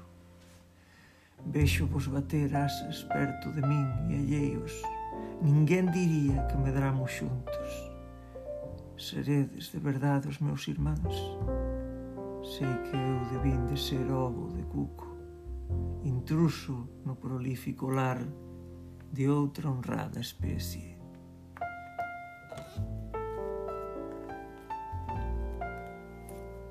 cinco. E agora teño a mesma idade que Galba, que nos alzou contra Nerón, como Cavafis lembra no seu poema. Hai varios Neróns que sería xusto derrubar, mas aínda que son igual a Galba en idade, non o son en lexións baixo o meu mando. Estes novos Neróns poden dormir tranquilos. 73 anos non significan o mesmo que 73 milleiros de lanzas.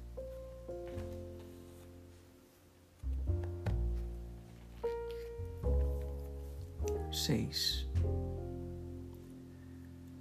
As cousas non son sinxelas. Nós poñemos etiquetas, amor, traizón, lealdade, Non podemos prescindir dunha rede que capture a vida en forma de peixe, en forma de borboleta, para podernos nutrir de alimento ou de beleza, pois somos fame e paixón. E así pasamos os días superpoñendo vestidos de decoroso saber o escandaloso e inculto nu da realidade en bruto. Mas é un soño a nosa ciencia. As cousas son como son e como non son selvaxens feixes de forzas contrarias. Temos que poñerlles nomes, temos que deitar a rede para cobrar a razón de peixe ou de borboleta que calma o noso apetito. Mas os nomes son mentiras Son conxelas dun río que está líquido a fluir en incesante aventura. Segundo a rede que usemos, será unha ou outra arredada. O caso é pescar, casar, para comer, para amar, e que estenda ou lineo nos codifiquen o mundo. Cualquer rede é ben capaz de infundirnos a ilusón de que isto é aquilo e iso catalogación doméstica dunha realidade indómita. Baixo un teito de papel sentes o home máis seguro que baixo un seu de verdade.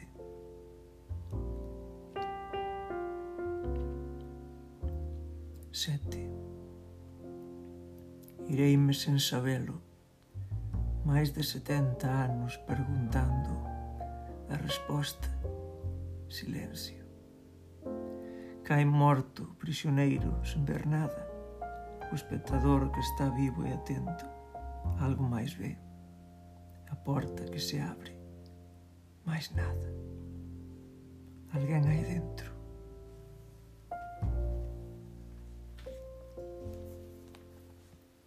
Oito. Da montaña en que fago o meu xexún, ti mostrasme os reinos da terra, Como o meu corpo está limpo e eu nu, non me tento o poder que me ofereces. Señorearme abóndame, pois quen de ti recebe investidura é escravo dos mesmos que goberna. Só rei de nengures tei poder en toda parte. Descerei do meu sólio de rochas para tripar descalzo os camiños dos homes que non han ver a coroa de brétema que cinxo. Un mendigo, creránme, deixaránme ir e vir. O vento da montaña lavoume o corazón darelas. Tiño todo canto son e máis nada. E non hai nada máis. Imperador do todo.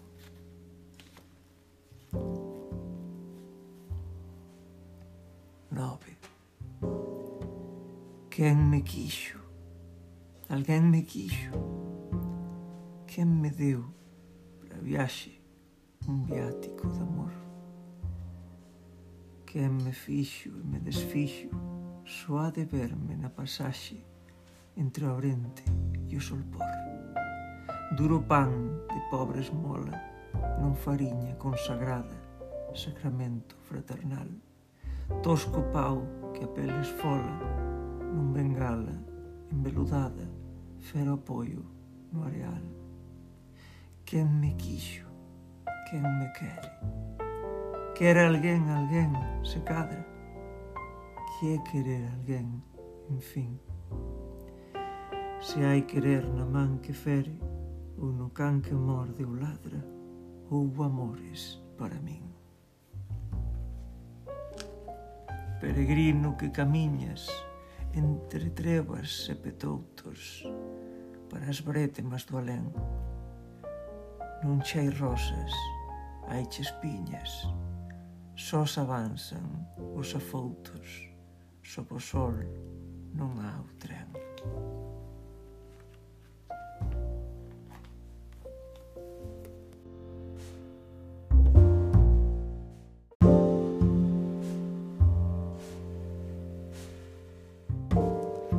Parte 8 Poema 1 Xa que viver feliz foi imposible, se quer morrer feliz, se cadra é soño. Ante que xuiz, que instancia e a que nivel ha de verse o recurso que interpoño. Se vida alegre, morte triste pede, pedirá vida triste, alegre morte. Mas se a lógica embrulla na súa rede, saiba está a realidade desa sorte. Teme, pois, que a túa morte, a túa vida, reproduza nun rosto máis esgrevio e sexa a última base da partida, función exacta do trazado previo. 2. É tarde para todo, para possuir, para amar, para vencer, para luitar, mesmo para perder, mesmo para xiar. É tarde para ser.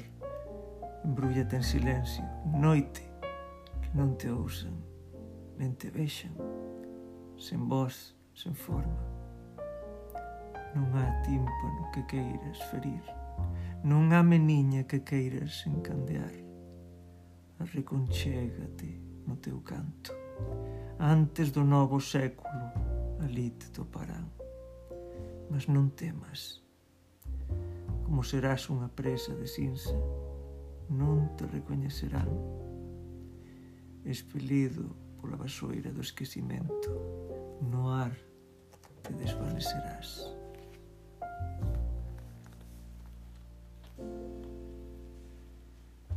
Tres.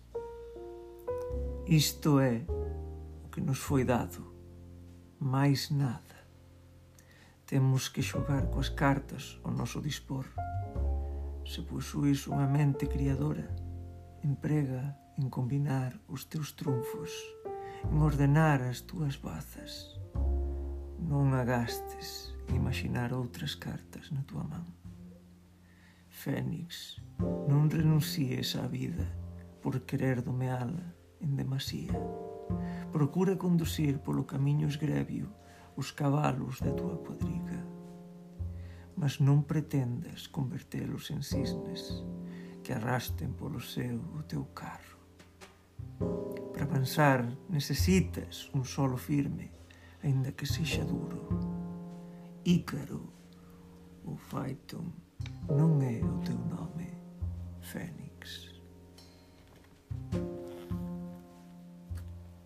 4. Administrar o capital do noso destino é unha forma de viver. Querer trocar a moeda do noso destino é unha forma de morrer. Aquilo é propio de ti, isto de min. Vive, pois, Fénix, a túa vida, mentre eu morro a miña morte. Hai un alén que se chama autenticidade, onde se cadra a túa vida e a miña morte converxirán como paralelas no infinito.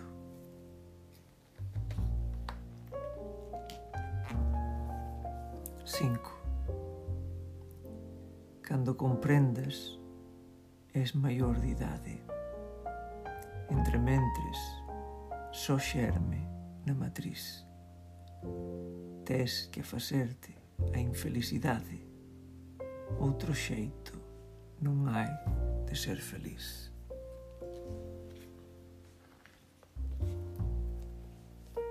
Seis. Ambulatorio. Somos vellos, que os novos están saos. Somos pobres, que os ricos van a llur. Falamos galego, que é lingua antiga e humilde receitas, inxesóns, medisóns da presión arterial. Para outros mesteres, preférese a hospitalización. Todo a velocidade máxima é necesaria a fluidez. E xeia, teusa, boa con asas nos nosellos. Atender a moitos pacientes exixe aforro de minutos é unha exixencia técnica da seguridade social. 7. Na autoestrada de Baraxas, a direita é vermella, a esquerda cualda, as cores da bandeira de España. É inverno, ás sete horas da madrugada Diante do meu carro todo son luces encarnadas. Por outra banda, en dirección contraria, veñen e pasan luces douradas. Estrelas de sangue cruzanse como estrelas de ouro en chamas. Son tres, non dúas. No entanto, as listras que o ollo guarda. Mas o oriente, o abrente surxe como unha terceira franxa morada as cores da bandeira republicana.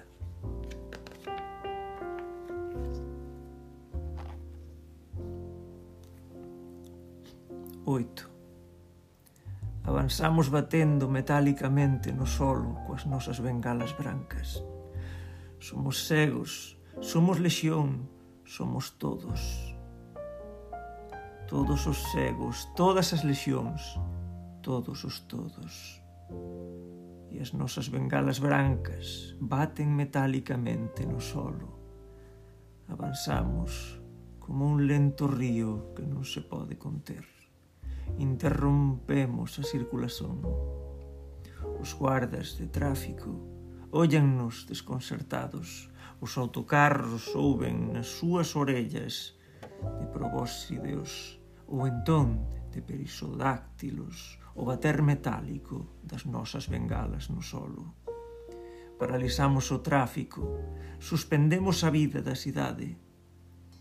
A camisón do goberno reúnese no paso municipal para tomar acordos sobre como defrontar a nosa inesperada aparición, proxetar agua contra nós, emprender negociacións connosco, requer os bombeiros, os síndicos locais. Entretanto, pasamos, e tras nós reátase o movimento urbano. As nosas bengalas brancas baten nos limites do municipio. Os rexedores suspiran aliviados. O problema é transferido ao veciño goberno municipal. E nós, cegos, lexión, todos avanzamos metálicamente, batendo coas nosas bengalas brancas, o solo da rúa, do prado, do bosque, deste, daquel, destoutro municipio. Nube de langosta a rente do chan, que non se sabe de onde ven, que non se sabe onde vai. Metálicamente batendo solo, tacteando o solo metálicamente coas nosas bengalas brancas coas nosas brancas antenas. Nove. Ainda eu podería ser feliz. Un ano, un mes, un día. Se os males non viñesen todos xuntos, se non fosen tan solidarios, se me batese cada vez un só, ou dous, ou tres, ou cuatro, ou cinco, ou seis, aínda enduraría e aprendería a vencelos, a esquecelos, a ignoralos. Aínda podería ser feliz. Con este morno sol, este ar tranquilo, estas nubes o pairo, estas rosas brancas, este cabelo longo desta nena. Unha felicidade humilde, pobre, breve, mas suficiente. Aínda podería ser feliz arrastando unha infelicidade moderada. Mas tería que vir un, dous, tres, catro, cinco, seis males xuntos, nada máis. A formiga carrega un peso limitado. A mosca limpar pode as súas patas un número de veces reducido. Se unha pinga de aceite lle luxou un tempo curto podería gozar de unha dita modesta se non me carregasen tantos fardos no lombo se non me trabasen tantas peixas nos nosellos. Aínda podería se os males non viñesen todos xuntos. Un ano un mes un día ser feliz.